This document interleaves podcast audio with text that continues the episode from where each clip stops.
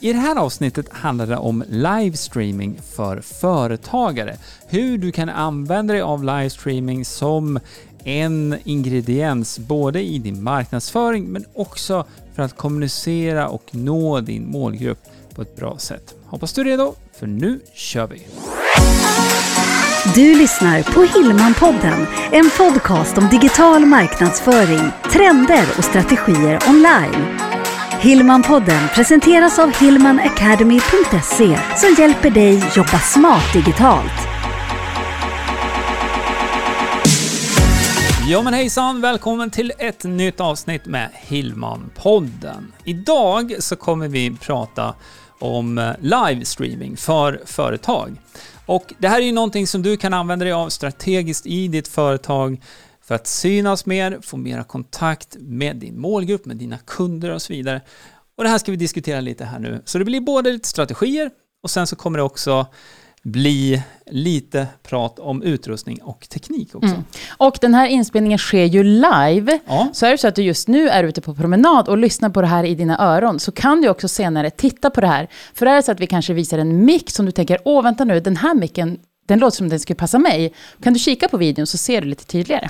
Absolut, och du hittar länken till den här eh, livesändningen då som vi har gjort på YouTube i beskrivningen till det här podcastavsnittet. Eller så går du bara till hillmanacademy.se YouTube och då kommer du direkt till vår YouTube-kanal och där kan du se spellistan med Hillman-poddens avsnitt. Mm. Sen har vi också en artikel där vi har samlat utrustning, programvaror och så vidare. Mm. Så går du till hillmanacademy.se utrustning så hittar du allting samlat där. Yes. Superbra. Mycket information.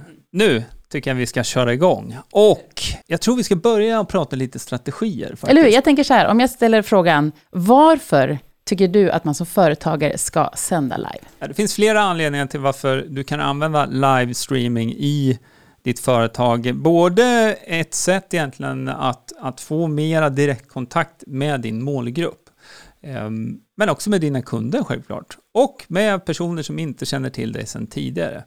Men sen kan du också använda det här, eh, återanvända ska jag säga, i efterhand. För när man streamar live så spelas det också in.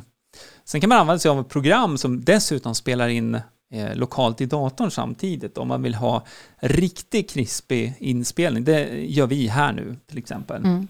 En annan fördel också när man kör live, det är att man kan konversera med målgruppen eller med de som är med live. Mm. Man kan ha, som vi ska ha idag, frågor och svar, men man kan också diskutera, hålla diskussionen igång. Och det tycker jag är härligt just när det gäller just livesändningar. Dels att få lite mer direktkommunikation, det är en sak, men också att sen kunna återanvända den här livesändning då som en inspelning.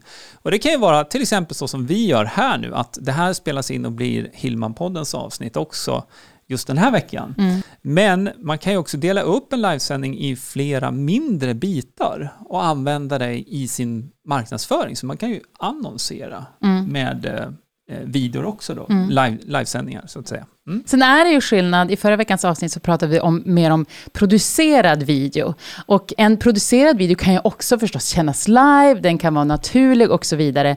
Men det är en viss nerv i livesändningar. Ja, för det som händer nu, det händer verkligen nu och ja. det blir liksom inget omtag här. Nej. Så att, så att är det någonting som eh, som blir knasigt eller man säger någonting, ja då är det så, för det är live. Mm. Och det är klart att det kan kännas läskigt. Mm. Eh, men jag tycker att man ska se det som, för det är samma sak, både för oss, det är en liten nerv, eh, man är här och nu, men även för dig som tittar eller lyssnar. Mm. Att det blir, ja men nu är vi här tillsammans. Precis. Nu har vi pratat lite strategier mm. och det här är ju lite som en överblick. Sen finns det självklart både program och utrustning och system man kan använda sig av på baksidan så att säga, när man producerar den här typen av eh, innehåll. Mm. Men anledningen till att vi börjar med strategin, det är ju det att det är så viktigt att ha en anledning till att sända live. Inte bara sända live för att sända live. Nej. Så pratar vi om allt material, video eller innehåll på sociala medier. Skapa innehåll där det finns en anledning till att du skapar det innehållet. Mm. Och eh, nu när vi pratar om innehåll överlag då egentligen som företagare så, så finns det några olika sådana här kategorier av content då, eller innehåll man kan skapa. Det finns ju sånt som är rent säljmaterial. Sen finns det ju sånt som är lite mer, vad ska man säga, utbildningsrelaterat material. Då. Och så är ju det här, det vi gör mm. just nu. Och, och, syftet med det är ju egentligen då att skapa en större förståelse. Och det här kan man ju vinkla lite olika beroende på vad det är för någonting du erbjuder. Nu erbjuder vi utbildningstjänster, så vi har ju utbildningar i videoproduktion, i att sända live och så vidare inne på Hillman Academy. Men lite beroende på vad det är du erbjuder så kan man ju vinkla det här också så att det ändå ligger i linje med någonting som du faktiskt sen också erbjuder. Mm. Sen kan det ju vara olika typer av behind the scenes material som man också kan använda sig av och eh, här har vi ju ett sånt exempel om du tittar på YouTube nu så har vi en kamera som är lite mer som behind the scenes eh, som vi kommer använda oss av när vi går mm. igenom utrustningen och sådär sen. Och då kan man ju också bara använda mobilen det kan man också, absolut Idag göra. kommer vi att prata mer om just utrustning, men du klarar det väldigt, väldigt långt med mobilen. Och det blir också en annan... Jag vet i början av när vi startade Hillman Academy så gjorde vi väldigt, väldigt mycket live. Det gör vi fortfarande. Men då var det var verkligen en tydlig strategi i vår marknadsföring. Mm. Eh, och då blandade vi just studio-livesändningar med att vara ute och prata i mobilen helt enkelt. Den som man brukar kalla för live streams. Precis. Så skillnaden, live stream, allting är ju live, men live stream. Det är mera från, om man får säga dagliga livet, fast då kanske fortfarande med inriktning på det du gör i företaget. Och du pratade om det precis, det här just idag blir ju mer av en, vad ska man säga, en utbildnings-livestreaming. Mm. Men om vi säger att du kanske producerar en webbkurs, så kan det vara inför den, du sitter och skapar någonting, du berättar om någonting som du är i produktion just nu. För det pratar vi också om när det gäller just webbkurser, att marknadsföra, synas med den innan den sen börjar säljas. Så att du jobbar med målgruppen under tiden. Mm. Och då är livestreaming ett bra sätt. Ja, och sen eh, om man bara tänker efter lite grann hur vanorna ser ut egentligen då med att konsumera innehåll idag så är det ju väldigt, väldigt många som tittar på video. Vi är många som är här nu och tittar samtidigt och ehm, just det här videoformatet är supervanligt idag. Så att om du inte ens har börjat titta på det här med video som en del i din marknadsföring, oavsett om det är inspelat eller live, så är det definitivt någonting som vi rekommenderar att du gör. För det, det behöver finnas med i den mixen, så att mm. säga. Ehm, men sen ehm, just med live-elementet så finns det ju, ja, du var inne på det lite grann här, det är lite mera nerver såklart, men eh, ju mer man gör något, ju mer man övar på någonting också, desto lättare eller mindre motstånd. Det beror på hur man vill se det. det. Det blir ändå lättare när man gör det så. Och sen tycker jag också vi ska nämna det här med att hur många det är som är med live. Eh, du kanske drar igång en livesändning och så är det två eller tre personer och tänker att men det, här, det här ger ju ingenting för mig. Men det är ju det som är grejen med en livesändning. Den lever ju kvar och du kan använda på flera sätt efteråt. Mm. Så se till att eh, fokusera inte på den siffran som är är just de som är med just live nu, utan tänk att det här är någonting som jag ska arbeta med senare också. Absolut, och jag, jag börjar le lite här för att eh, jag kommer att tänka på några tillfällen när vi har kört livesändningar och det kanske har varit två, tre stycken som har varit med. Jag har till och med gjort livesändningar där det har varit noll personer med, men det är ett snabbt sätt att få ut en video med, mm. med content.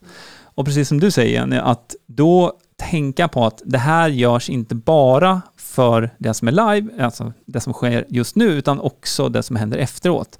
Jag vill gå in lite på det här, för att det här är inte helt helt lätt att, att, eh, få ihop kanske med att säga, ja men om den ligger kvar efteråt, det är ändå ingen som hittar den videon. Ja, det här beror ju nu på vilken plattform du jobbar på också. Just nu gör vi det här på YouTube, men den här videon kan vi också använda oss av på Facebook, på LinkedIn och så vidare.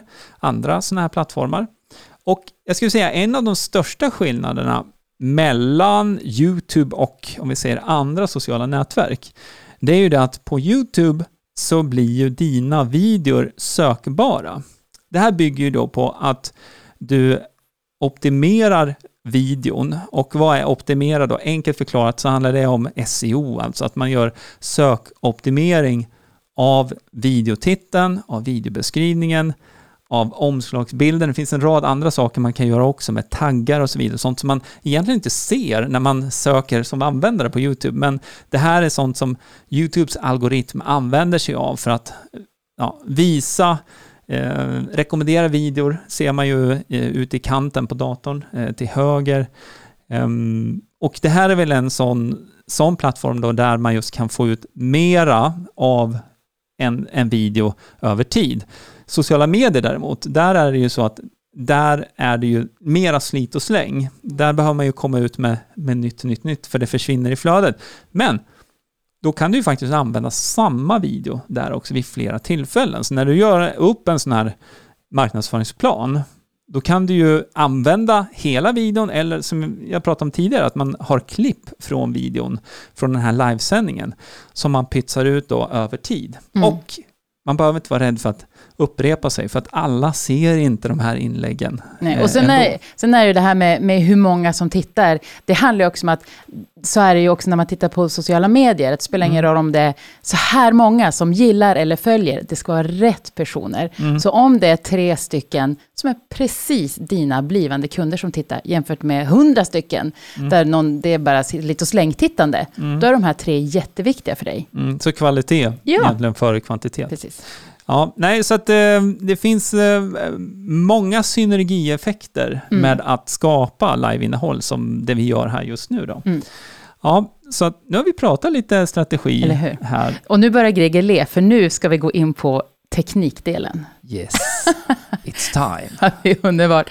Eh, chatten är igång, så använd gärna chatten. Ställ frågor om det vi visar, det vi pratar om, men kanske någonting annat. Du kanske vill ha tips på det du behöver eh, för att göra kommande videor. Du kanske vill uppgradera, eller du kanske står på noll. Du mm. har en telefon som du klarar dig bra med idag, men du kanske vill ha någonting mer. Mm.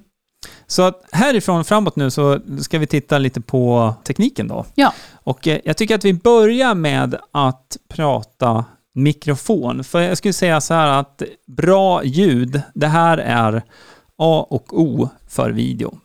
Absolut. När man tänker video, då tänker man på bilden. Ja, jag håller med om det. Men om du inte har bra ljud i dina videor, då faller det tyvärr. Och um, många tittar på video, man får kalla det slentrianmässigt. Nu vill inte du att någon ska göra det med dina videor, men, men du vill ju däremot att dina videor ska höras bra så att säga, även om man åker buss eller ute och går, eller vad man nu gör samtidigt som man tittar på video. Kanske står och lagar mat eh, och det fräser i pannan lite, då, då vill man ju fortfarande att ditt ljud ska höras bra. Så en mikrofon, det ska du definitivt satsa på.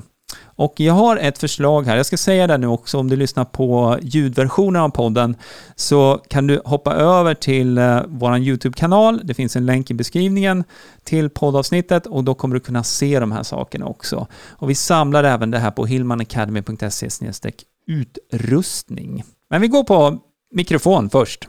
Och det första jag tänkte visa här, det är en, uh, en mikrofon som heter Blue Yeti. Och den här mikrofonen, det här är en väldigt, väldigt eh, populär USB-mikrofon som du kopplar direkt in i datorn.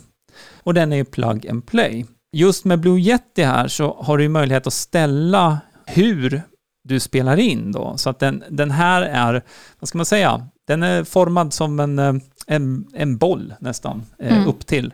Och du kan ställa in då om du vill spela in ljud bara där du själv sitter och pratar då rakt emot micken. Men man kan också använda den så här mellan mm. två personer och då ställa in så att den spelar in här och även på baksidan, så både på framsidan och baksidan.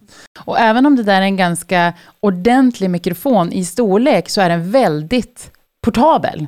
Ja. Vi har haft med oss den på många olika ställen och jag vet många av våra medlemmar som använder den här. Ja. De kanske har en intervjupodd till exempel, som tar med den till den personen som de ska intervjua. Så den är väldigt flexibel. Ja, och för all typ av videoproduktion och även, även live-video så fungerar den här väldigt, väldigt bra. Och eh, den eh, står då på ett stativ så man kan ställa den på bordet framför sig. Men det finns också en koppling på den här så att man kan ha den på ett mixstativ om man vill ha något annat typ av mik mikrofonstativ. Så att äh, den här är flexibel och en riktig arbetshäst får man väl säga mm. ändå. Så att äh, man ställer då insignalstyrka också på själva micken, vilket är, är bra. Det är större flexibilitet också. Så det här är ett bra tips, Blue Yeti, och det finns flera versioner av den här mikrofonen och man kan man kan egentligen inte gå fel. Det finns olika färger, det finns lite olika storlekar på den också. Men USB-kontakt underlättar ju då om du ska spela in eller streama live då direkt i din dator. Sista saken om mikrofon och när vi pratar den här Blue Yeti-micken då, eller liknande sådana här mikrofoner, det är att eh, om du använder dig av PC så kan du endast ha en USB-mikrofon inkopplad samtidigt. Och eh, är det så att du använder dig av en Mac, då kan man länka flera USB-mickar. Mm. Eh, jag vill hoppa till chatten. Mm. David har en Blue Yeti själv och har upplevt att den har varit väldigt känslig, mm. men har märkt att det går att ställa känsligheten i Camtasia. Mm. Eh, undrar om du också har något annat tips just. Och då när vi har, när vi har för det var en tidigare livesändning, jag tror vi diskuterade det här med David, just att det, den tog upp väldigt mycket runt om, väldigt mycket rumsklang eller om det rörde sig i bordet och så vidare. Ja, jag skulle vilja säga så här att eh, alla mikrofoner är ju känsliga på det sättet att de tar upp, de tar ju upp ljudet som är i rummet så att mm. säga.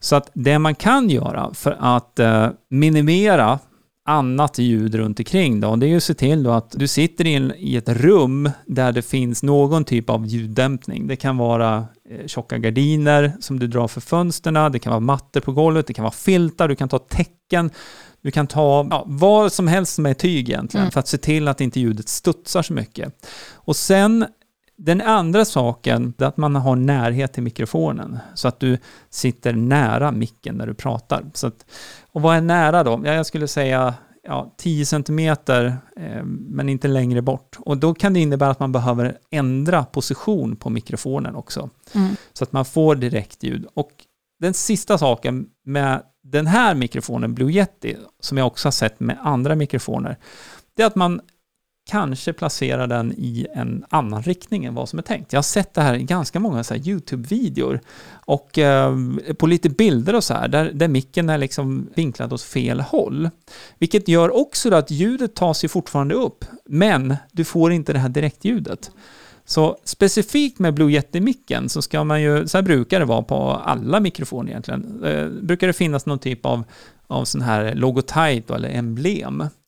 Och oftast så är det det som är framsidan på micken. Så att eh, just med Blue Yetin så spelar man in, man har den på bordet så här, så att eh, den pekar rakt upp kan man säga. Mm. Så att man har den inte riktad direkt mot sig som en sångmick. Det mm. det är inte den ja, typen av, av mikrofon. Så att där är det ett par saker som tre till och med.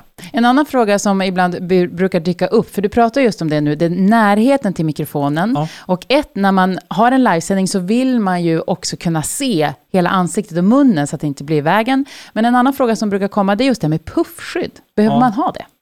Eh, då är det faktiskt så här att på de nyare modellerna av eh, Blue Yeti så är det inbyggt puffskydd kan man säga. Så att eh, det är ingenting man måste ha på det sättet. Men självklart, ska du vara utomhus till exempel och köra en livesändning, då behöver du ha någon typ av puffskydd bara för att inte vinden ska gå in i. Men sen finns det enkla knep också. Om du märker att din mikrofon faktiskt, eh, du får sådana här puffar, då kan man eh, antingen köpa ett litet sånt här eh, som skumgummihölje som vi har på de här mickarna som vi vi kommer komma till dem sen, mm. men eh, det här är en annan typ av mick som vi pratar i just nu. Och då kan man sätta det ovanpå. Man kan ta en strumpa, en ren strumpa eh, förslagsvis, och eh, trä den över mikrofonen också, för det hjälper också till att ta bort eh, sådana här puffar. Att när vi pratar om det, vi pratar om strumpor, vantar, tecken. Jag tror att det är där man behöver tänka. Det behöver inte tänka så som man tänker att det ska se ut på riktigt. Alltså ta det som fungerar. Om det är en hemmastickad strumpa så är det fantastiskt bra. Det blir ju en branding i det Eller också, hur? faktiskt. Det var det jag menade med att du vill säkert ha en ren strumpa i så fall, eller det finns ju sådana här puffskydd man kan köpa i olika färger också, om man nu vill ha det som en del av, av, av sin Men testa det fram med det du har, det, det gillar jag. Ja. Eh, Jan han vill tipsa, för han använder en mikrofon från Röde och små myggor, mm. som han också tycker fungerar väldigt, väldigt bra. Ja, och eh, det tror jag kan vara till exempel något liknande det här, för vi kan gå vidare nu på myggmikrofon. Och eh, då ska vi se här, ska jag hålla upp rätt här för kameran bara. Det här är då ett eh, system som heter, det här är då från Röde. Och eh, det här systemet är ett, ehm, eh, vad ska man säga, ett trådlöst system där du kan koppla in den ena basenheten så att säga in i ditt ljudkort på datorn eller in i kameran som du använder dig av, beroende på vad du nu har för kamera. Och den andra är en, en mikrofon i. Så den sätter man så här, klipper på så här. Och man kan bli lurad för det ser inte ut som en mikrofon. Nej, en just det här, ser traditionell ut, mikrofon. det här ser ut som eh, nästan som en tändsticksask. Men eh, den här mikrofonen som finns med i, eh, i den här trådlösa fungerar väldigt, väldigt bra faktiskt. Och ehm, det går också att lägga till ehm, en myggmikrofon. Man kan koppla till en extra Mm. myggmikrofon. Jag ska säga bara det här, det här heter Röde Wireless Go. Och Röde Wireless Go finns också med dubbelmickar. Så behöver man två mikrofoner så kan man använda den också då. Mm. Faktiskt. Så det är ett Och alternativ. det blir ännu mer portabelt Ja. än en mikro- mikrofon. Absolut, och så behöver du dansa runt eller hoppa runt någonting så här en bit bort från, från videon så kan man använda sig av det eller från kameran. Eh, då ska vi se, Åsa skriver så här. Jag har just köpt en Blue Snowball och börjat Mm. testa spela in ljudfiler, det är ett tal. Mm. Har laddat ner Audacity. Vilket format ska jag spara filerna i och hur publicerar jag dem på till exempel hemsidan eller på Facebook? När man pratar om själva inspelningsformaten så brukar det spela in automatiskt då i ett väldigt kompatibelt format i inspelningsprogrammet. Så om det är Audacity, om det är Garageband eller om du använder eh, något annat program. Adobe har flera sådana inspelningsprogram också. Så hantera liksom programmet det själv. Sen när du sparar ut det här, då kan du välja då antingen i WAV-format eller i MP3-format, ibland också i M4A-format. Och eh, generellt så kan man säga så här att MP3-formatet, det är det som är mest kompatibelt. Och det är det man använder sig av, bland annat då när det här nu blir en podcast så kommer det vara en MP3-fil som laddas upp till vårt ljudfilshotell och det är den som sen strömmas ut då när man lyssnar i podcastspelaren. Och eh, är det så att du vill ha en spelare, en mediaspelare på din webbplats, då ska du också se till att ladda upp en MP3-fil till mediebiblioteket då på, på din hemsida. Och så en MP3-fil är mindre i filstorlek än en WAV-fil. En WAV-fil är helt okomprimerad. Det brukar man använda sig av när man håller på med musikproduktion och man eh, jobbar igenom en produktion i flera steg. Det ska skickas iväg på mastering efter mixning och så vidare. Då har man WAV-format hela vägen tills slutet så att säga. När det här släpps på Spotify eller vad det nu gör. Um, men så MP3, det är det filformatet du ska satsa på där helt enkelt. Och eh, när det då gäller Facebook så är det ju så, eh, du frågar ju det här också Åsa, så är det ju så att man kan ju publicera eh, sin podcast även på Facebook-sidan. Det här är faktiskt en, eh, någonting som vi har precis släppt en ny guide för inne på Hillman Academy. Så man kan se steg för steg hur man lägger upp sin podcast på Facebook-sidan, då, företagssidan på Facebook. Ehm, och det är kopplat då till ljudfilmshotellet där också. Så att eh, MP3. Mm. Superkul att du är igång, Ja, Åsa. jätte, jättebra. Jättekul. Innan vi går vidare, för nu finns det fler frågor just kring livestreamingen och även kameror. Ska du nämna någonting kring mikrofonerna som vi pratar i? Ja, de här mikrofonerna som vi pratar i, det här är eh, Shure SM7B heter de. Och det här är ju en väldigt, väldigt populär, vad ska man säga, radiopratarmikrofon. Mm. Ehm, och den har ju lite mer så inbyggd umf, får man väl säga. eh, radioumf, Ja. om det förklarar saken. Eh, så att eh, de här mikrofonerna behöver man då koppla in i antingen i ett eh, mixerbord i stil med det vi har här då. Det här är en, som jag visar nu här då i videoversionen, en Röde Procaster som eh, har då fyra stycken ingångar för mikrofoner. Och sen så kan man också koppla in, eh, ja det går ju till datorn då, och sen så kan man eh, koppla in en mobiltelefon om man har telefongäst. Man kan koppla in också bluetooth och samma sak där då om man har en, någon som är med via telefon när man vill göra den här typen av inspelning då. Så mixerbordet eller ljudkortet då som man använder sig av behöver då klara av eh, de här mickarna, så det är en liten specialare faktiskt. Man kan också använda sig av det som kallas för en cloud lifter och det är enkelt förklarat en liten box som förstärker signalen. Eh, och det är för att det ska fungera bra då med Shure SM7B som vi använder då. Mm. Mm. Mycket bra. Mm. Jag skulle vilja hoppa till Lottas fråga, när det mm. handlar just om att börja sända live. Mm. Så skriver Lotta så här, är det begränsat till tid? Alltså längden på streamingen när man sänder live första gångerna?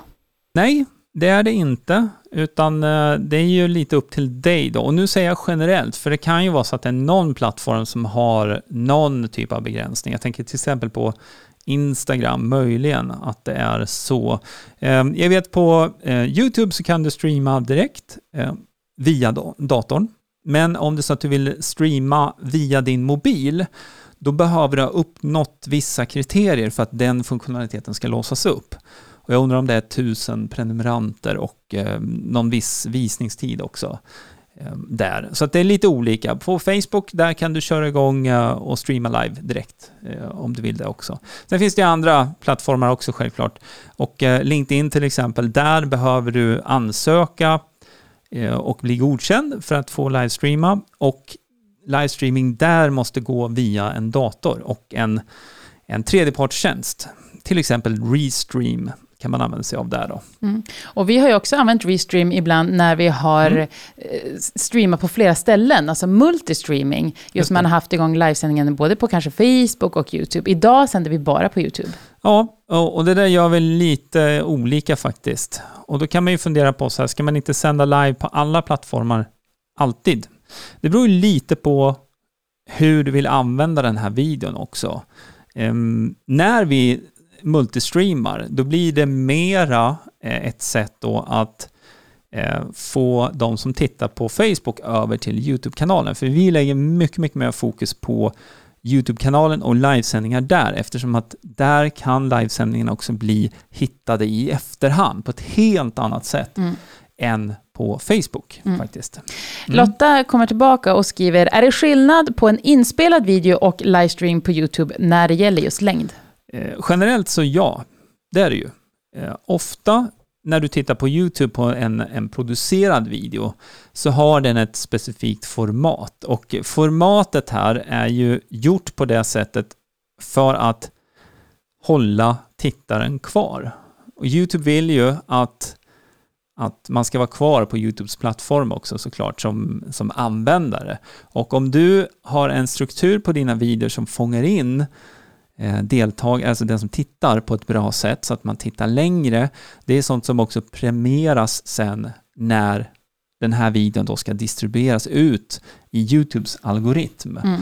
Så är det så att du har en video som är fem timmar lång som kanske har två tittare, den kommer inte få speciellt mycket spridning i algoritmen, även om du optimerar den.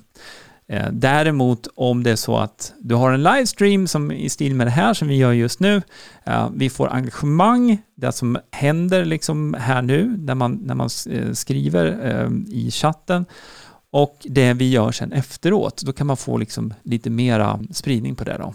Men det är upp till dig, det mm. finns ingen begränsning på, på något sätt. Ja, och Lotta tillägger här, hon undrar också lite grann här just med, med tillåtna längden på en inspelad video jämfört med en livestreamad video på YouTube.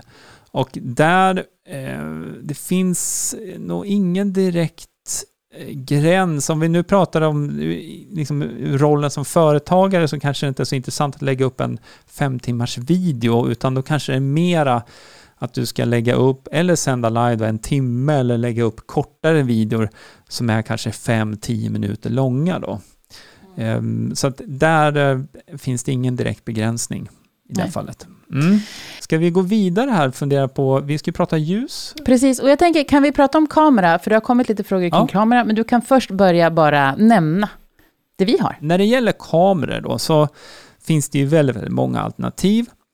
Det finns uh, vanliga USB-kameror som du pluggar direkt in i datorn. Eh, några populära alternativ där sedan tidigare är ju Logitech C930 men numera också Logitech Brio som är en HD-kamera då som man har främst kanske vid eh, online-möten och eh, sådana saker. Då. Men om vi går upp en nivå till eh, mera produktions, vi, eh, produktionskameror. Där finns det ju också flera alternativ. Det vi har som huvudkamera i vår livestream här, det är Sony ZV-E10. Jättekonstigt namn på den. och det är galet att du kommer ihåg. Ja, men det, det, heter den i alla fall. Och mm. det här är då en så kallad mirrorless camera. Ja, heter det. det är helt okej okay att blanda in engelska ja, ord. Som sagt, det är ju live det här. Så. Och den typen av kamera har ingen tidsbegränsning i hur länge man kan streama. Eh, däremot om du har någon gammal sån här DSLR-kamera, eh, där finns det en inbyggd begränsning på 30 minuter, som man i vissa fall kan kringgå um, på ett eller annat sätt. Men ofta så är det en begränsning då just för video, det här som är videoläget på kameran då, så att den stänger av sig efter 30 minuter. Så att eh, huvudkamera, Sony ZV-E10 och sen så har vi eh, kamera 2 som är här då och det här är eh, Canon M50. Den här har vi haft som vår huvudkamera tidigare. Och Canon M50, om du funderar på någon av de här eh, kamerorna så ska jag lägga till det att Canon M50 Mark 2, alltså den nya versionen, den fungerar jättebra att koppla in både med USB rakt in i datorn, men man kan också använda sig av ett, eh, ett sånt här grafikkort som ser ut som en USB-sticka egentligen. Och det finns något som heter Camlink som är, är väldigt poppis för det. Och eh, en, en Camlink kostar inte mer än, ja, runt, vad kan det vara, 1000-1500 kronor. Och det är Elgato som gör dem. Elgato Camlink eh, 4K. Ser ut som en liten USB-sticka som man kan använda sig av. Och eh, den här USB-stickan då, om vi kallar det för det, den kan du ha mellan eh, den här Sonyn också då och in i datorn. Och vad den gör är egentligen att den tar signalen från din kamera och omvandlar den till ett format som datorn förstår. Ehm, och med en sån här eh, camlink då så kan man få lite krispigare bild helt enkelt, eller, eh, jämfört med att köra, ehm, köra via USB-kontakten jag ska bara lägga till, den tredje kameran som vi hade här i, i den här lilla genomgången då, det är en, en Logitech C930. Eh, men jag ska lägga till det också att här har vi modifierat den, eller jag har modifierat den. Jag använder ett specialfilter framför för att belysningen som vi har inne i studion här, den är gjord nu anpassad för de här andra kamerorna. Och en Logitech C930 är mera att den ska göra saker och ting själv och det fungerar inte kombinationer där om man inte använder då ND-filter som det heter. Nu blev det väldigt tekniskt här, men mm. ja, jag, skulle, jag skulle bara vilja säga så här sammanfattningsvis om kameror. Om det är så att du ska satsa på att skaffa en kamera, så titta på någonting Eh, och lägg lite mera budget på det på en gång så att du får någonting som är riktigt bra som du kan ha god användning av framöver. Den här Sony Z VE10 här, eh, den fungerar jättebra både så här i studiosituation, den är lätt att ha med om du vill spela in video ute, så är det också som en eh, vloggkamera, så den är väldigt eh, mångsidig på det sättet. Och eh, det kan vara bra att tänka igenom. Så är det så att du Eh, kanske inte har den budgeten nu, då kan det vara en bättre idé att du kör med mobilen helt enkelt så länge. Koppla in mobilen till din dator och använd mobilens kamera på baksidan som din webcam. Det här kan man göra med appar och sådär, så du kopplar in den direkt i datorn. Och ett stativ till den? Ja, ja, precis. Någon typ av tripod så du kan få upp den liksom i, i rätt eh, ögonhöjd då, helt enkelt. Så du tittar på dem som du streamar till och inte i någon annan konstig vinkel. Nej. Mm. Eh, apropå olika kameror så skriver Jan så här. Mm. När jag ska livesända behöver jag visa min instruktioner med två kameror. Kamera 1 i normalbild och kamera 2 i makrobild. Alltså väldigt nära fokus för att kunna visa detaljer. Ja. Har du tips på hur man löser det? Då behöver jag ställa en liten följdfråga och så ska jag börja ge svaret här Jan. Eh, nu är frågan då om du använder dig av PC eller Mac. För lösningen ser lite olika ut här nu beroende på vad du har för plattform. Men jag kan börja med eh, lite mer generellt svar här som faktiskt fungerar både på PC och Mac. Um, och det är någonting som heter OBS Project. Och OBS Project, det här är då en uh, streamingprogramvara som du kan ladda ner till din dator och du kan lägga upp olika typer av scener med hjälp av eh, det programmet. Och en scen kan då innehålla flera kameror. Så att ehm, till exempel då, jag gör nu en liten kort, kort, kort demo här i realtid, vilket kommer klippa bilden jättekonstigt nu här. Men bara för att visa på möjligheten så kan man med två kameror och den typen av programvara ändra då och ha en, en makro så att säga på en del med en kamera och sen så använda den andra kameran i normalläge om man får kalla det för det då. Jan har en PC. Ja, och då är det ju OBS eh, Project då, som kan vara ett alternativ för dig. Är det så att man har Mac, så vill jag lägga till det, då kan man använda sig av den här programvaran som vi har, som är, heter eCam Live. Vi ska visa lite mer om den senare också. Ja, ja precis, mm. precis. Så att eh, med den här programvaran så finns det möjlighet att, att göra lite mer då, eh, också. På liknande sätt ska jag säga. Så att båda lösningarna funkar. Jätte, jättebra. Mm. Eh, Peter skriver så här. Jag har en kollega som envisas med 4K. Är det nödvändigt nu? Jag ser att ni har en 4K-symbol. Eh, nödvändigt, det är det ju inte. Men eh, det blir lite krispigare bild. Så att du behöver absolut inte streama i 4K.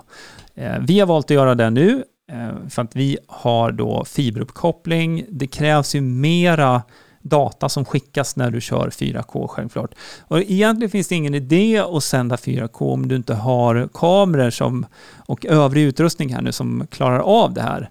Så att um, man måste inte använda sig av 4K, speciellt inte vid livestreaming. Men gillar man teknik, gillar man att pusha gränser lite grann och framförallt då Eh, om du har fiberuppkoppling så du har bra uppkoppling, du måste nog minst ha 30-30, allra, allra minst. Ehm, vi har 100-100, eh, vilket fungerar bra. Men eh, en bra uppkoppling är ju A och O. Så är det så att du gör ett sånt här vanligt hastighetstest, vilket du kan göra i Google. Du öppnar upp Google och sen så skriver du speedtest, så kan du testa din internetuppkoppling. Ehm, märker du där att du inte har jättesnabb uppkoppling, då skulle jag rekommendera att du håller dig till vanlig 1080p eller Ja, det är väl... Det brukar oftast funka. Man kan gå ner till 20, 7, 720 också, men, men då tappar man ganska mycket kvalitet. Mm. Så nej, man måste inte ha 4K. Mm. Innan vi går vidare till ljus då, mm. så har Jörgen en fråga gällande den kameran som han har. Mm. Jag har en JVC GY HM 180 som vi spelar in våra kursvideos med. Kan mm. jag använda den att streama med?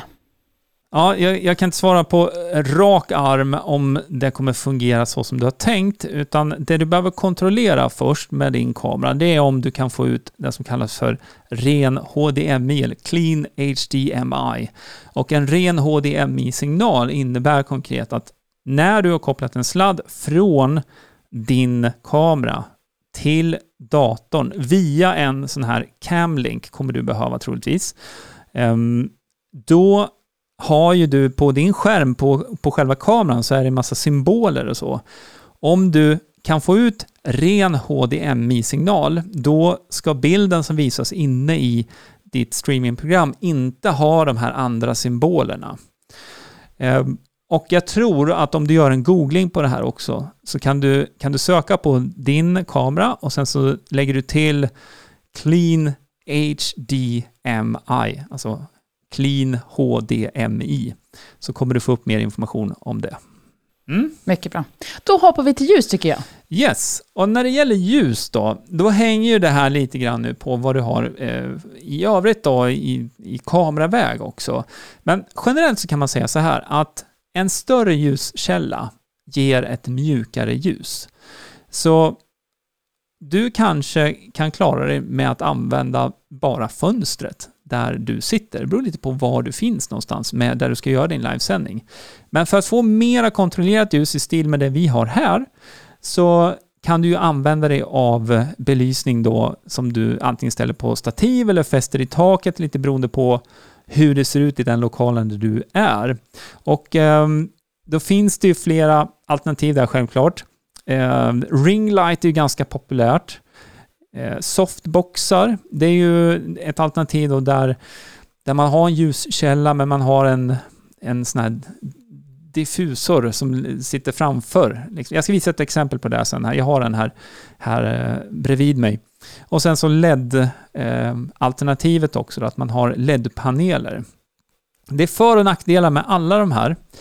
Eh, ringlight skulle jag säga att om du har glasögon så kommer det bli väldigt svårt att få det att se snyggt ut. För då, då glänser det mycket i dina glasögon. Eh, softboxar lite högre upp, det är oftast det bästa alternativet när man har eh, glasögon. Alternativt så som vi har här då, att vi har, vi har dem lite ut åt sidorna. Så vi har Eh, Eh, jag har en till höger om mig och Jenny har en till vänster om sig. Sen har vi också en stor ljuskälla snett framför oss som hjälper till då att, att ja, vad ska man säga, imitera dagsljus nästan.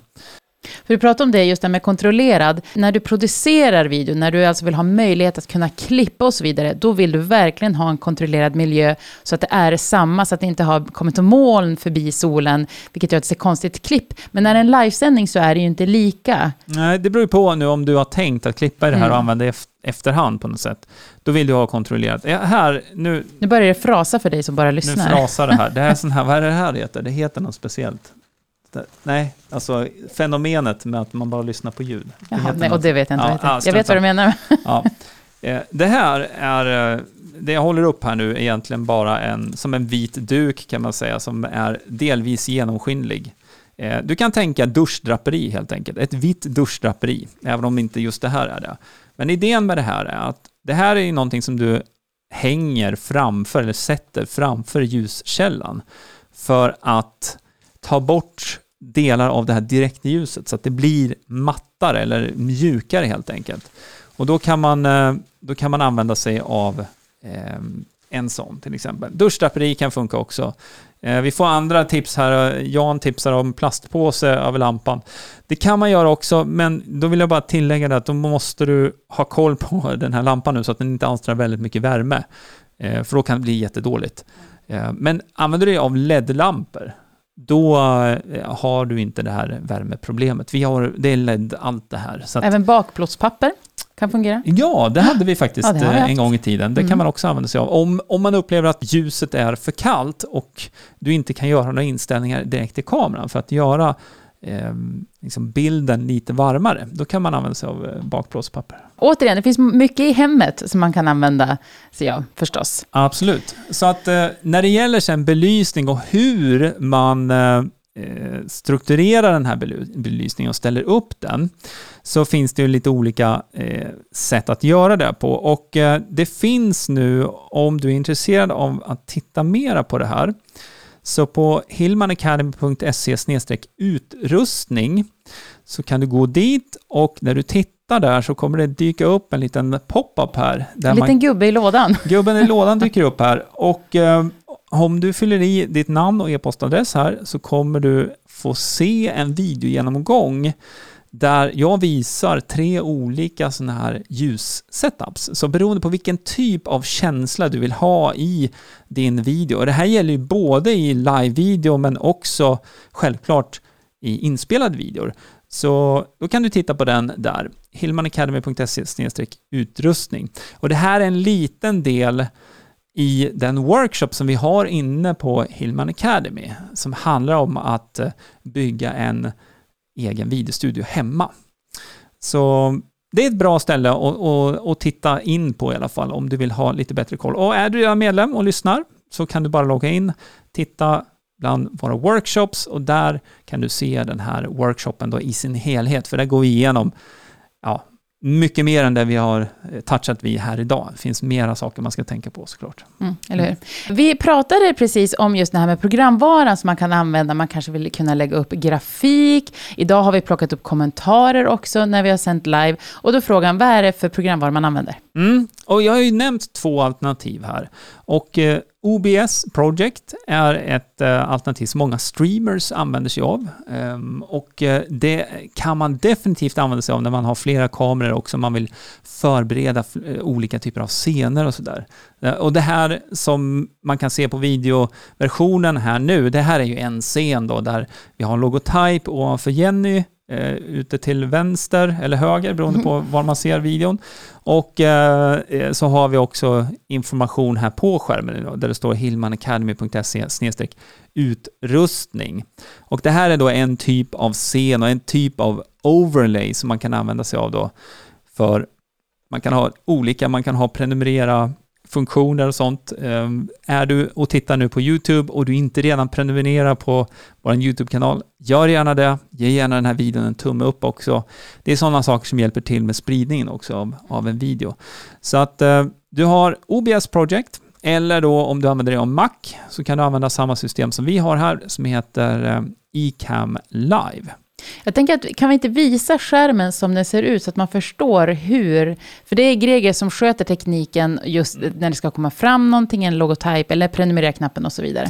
Absolut, det kan vi göra. Men då tycker jag vi gör så här att vi knyter ihop säcken nu på ljudpodden. För den här delen, den gör sig bäst i video. Så är det så att du vill se nu hur det fungerar med ett program som eCam Live, det är samma princip med OBS Project, när du ska streama live. Då ska du se till och eh, titta i beskrivningen till det här podcastavsnittet i din podcastspelare eller gå över till vår YouTube-kanal och titta på videon så kommer du se hur det här ser ut. Och hillmanacademy.se YouTube tar dig direkt till vår YouTube-kanal och så har vi en spellista där för våran podd. Så tusen tack för att du lyssnar. Se till att du prenumererar på podden.